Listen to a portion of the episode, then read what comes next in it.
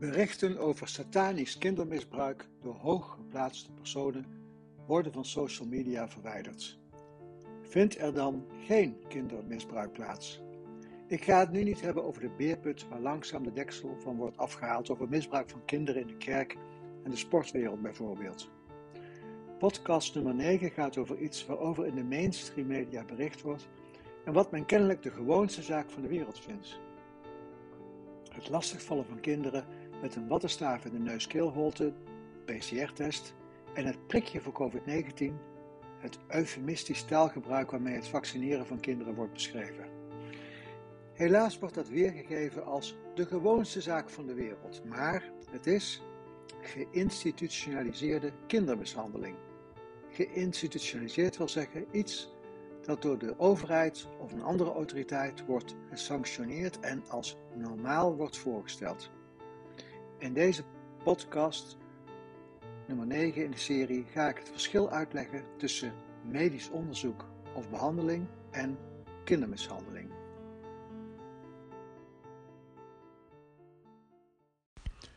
Op het moment dat minister-president Rutte op de persconferentie februari 2021 aankondigde dat de basisscholen opengingen onder de voorwaarde dat bij een aangetoonde besmetting de klas naar huis gestuurd zou worden en dat na vijf dagen alle leerlingen die weer naar school wilden getest moesten worden, heb ik een tweet weggedaan dat deze handelwijze gelijk staat aan kindermishandeling.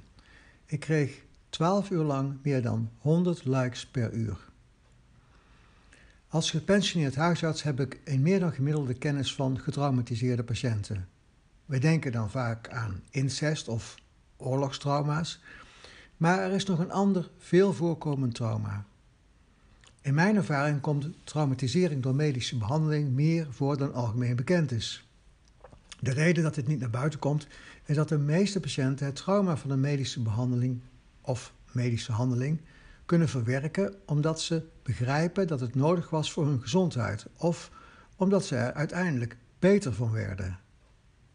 Rondom bovengenoemde persconferentie verklaarde minister-president Rutte op de televisie dat testen als je geen symptomen hebt geen zin heeft. Maar hij stelt dus wel het testen van de hele klasse zonder symptomen voor.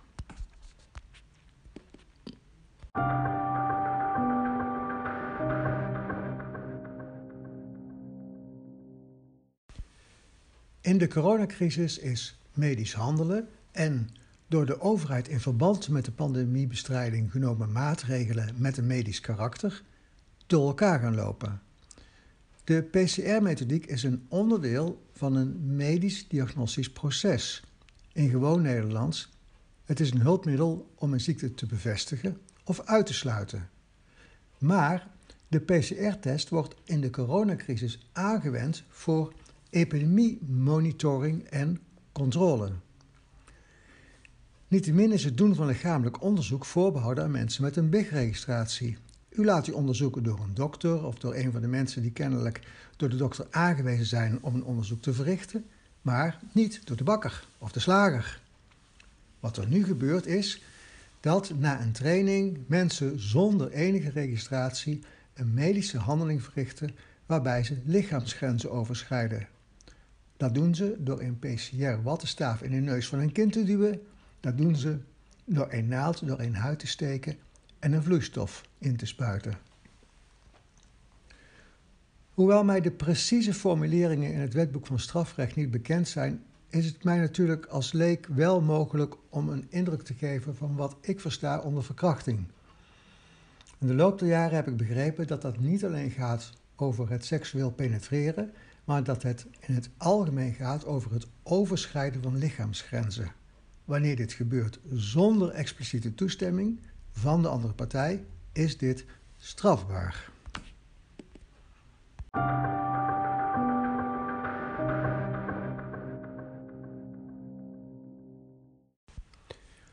Bij een medische handeling of behandeling is er vaker sprake van grensoverschrijdend gedrag van de dokter en de door hem aangewezen verpleegkundige.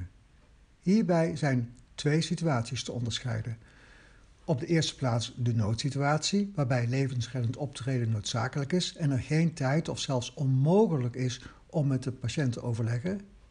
En een andere situatie waarbij medisch handelen wordt voorafgegaan door uitleg over de zinvolheid en de noodzakelijkheid van de behandeling. Hiervoor wordt wel de term informed consent gebruikt. Het begrip informed consent zou mijns inziens nader gedefinieerd moeten worden. Het is voorspelbaar dat de kennis van de dokter ver boven die van de patiënt uitgaat.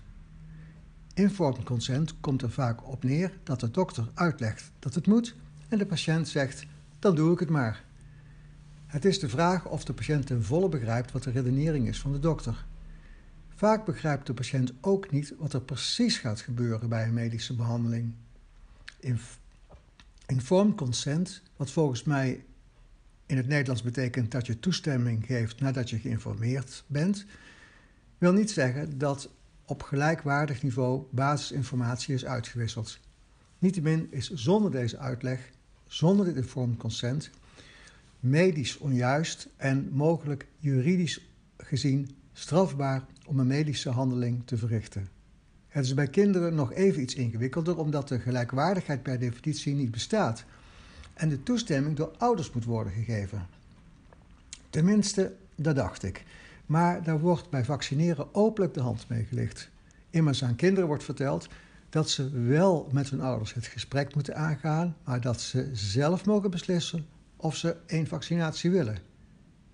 En dat dan ook nog met niet-medische argumenten zoals dan gaat de maatschappij weer open en dat betekent voor kinderen zoveel als dan kan je weer op vakantie.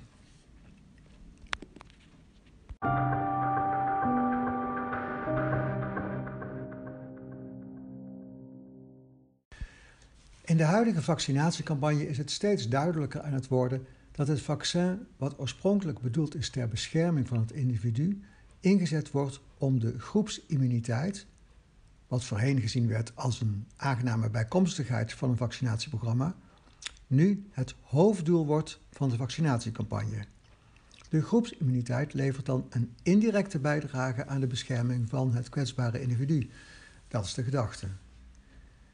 De literatuur bestuderend is dat argument niet erg steekhoudend, omdat de besmetting van kinderen naar ouderen een verwaarloosbaar deel van de overdracht vormt. Maar ook, ik durf stellig te beweren dat vaccinatie bij kinderen als het gaat om de individuele bescherming niet noodzakelijk is. Kinderen overlijden niet aan COVID-19 en ze worden er niet of nauwelijks ziek van. Het is dan ook overduidelijk, en dat wordt ook bijvoorbeeld door Illy, de voorzitter van de kinderartsenvereniging, openlijk op het jeugdjournaal verkondigd dat de belangrijkste reden voor vaccinatie bij kinderen is verdere verspreiding van COVID-19 voorkomen. In mijn ogen is het geven van een injectie louter met het doel om verspreiding van een virus te voorkomen, terwijl deze injectie geen positief effect heeft voor het kind, strafbaar omdat de eerste regel voor de arts is primum non nocere. Dat is Latijn voor op de eerste plaats kijken of je met een medische handeling niet meer kwaad dan goed doet. De arts voldoet dus niet aan deze regel omdat hij plaatselijk een wond veroorzaakt, omdat het vaccin nog steeds in fase 4 zit van onderzoek en dus niet volledig geregistreerd is. De arts werkt mee aan het toedienen van een middel waarvan de werking niet noodzakelijk is voor de gezondheid van het kind en mogelijk is de schadelijkheid er wel, getuigen de meldingen over ontstekingen in of rond het hart. In ieder geval zijn de lange termijn effecten van deze vaccinatie onvoldoende bekend. Het is dus een afweging van kosten en baten waarvan het niet duidelijk is dat die voor het kind positief is. Kinderen kunnen wel eens zwaar protesteren tegen een medische behandeling, maar in het algemeen volgen zij hun ouders. De ouders zijn verantwoordelijk voor het wel en wee van hun kinderen en worden ook geacht hun kinderen te beschermen tegen gevaar. Het penetreren van de neuskeelholte met een wattenstaaf is grensoverschrijdend gedrag. Het injecteren van een vloeistof is een grensoverschrijdende handeling. Ouders mogen daar alleen toestemming voor geven als zij overtuigd zijn van een medische noodzaak. In dit geval ligt de informed consent dus bij de ouders. De overheid moet duidelijk maken dat er sprake is van een noodzakelijke medische handeling, maar stapt over de arts-patiëntrelatie heen om dit te organiseren.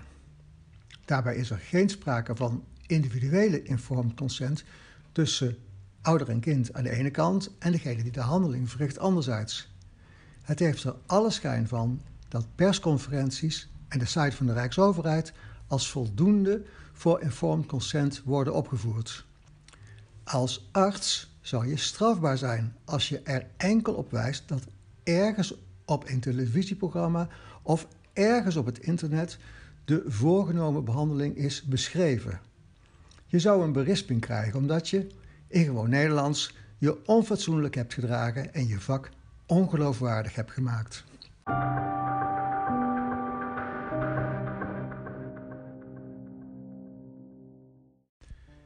Samenvattend in mijn optiek als huisarts, de literatuur bestudeerd hebbende, is er geen onderbouwing van het testen van gezonde kinderen via de PCR-methode.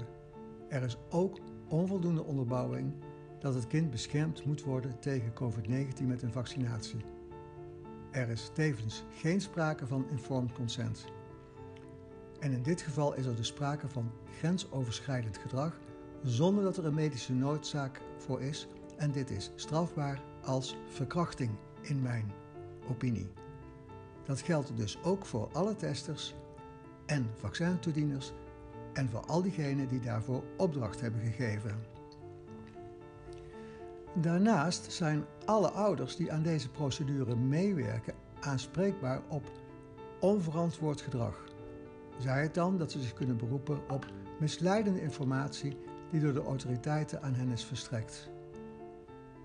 Misbruik van kinderen vindt dus niet op bescheiden niveau plaats. Het is een geïnstitutionaliseerd, een door de overheid en medische autoriteiten goedgekeurd en aangemoedigde manier van omgaan met onze kinderen in coronatijd geworden. Het coronakind van de coronarekening.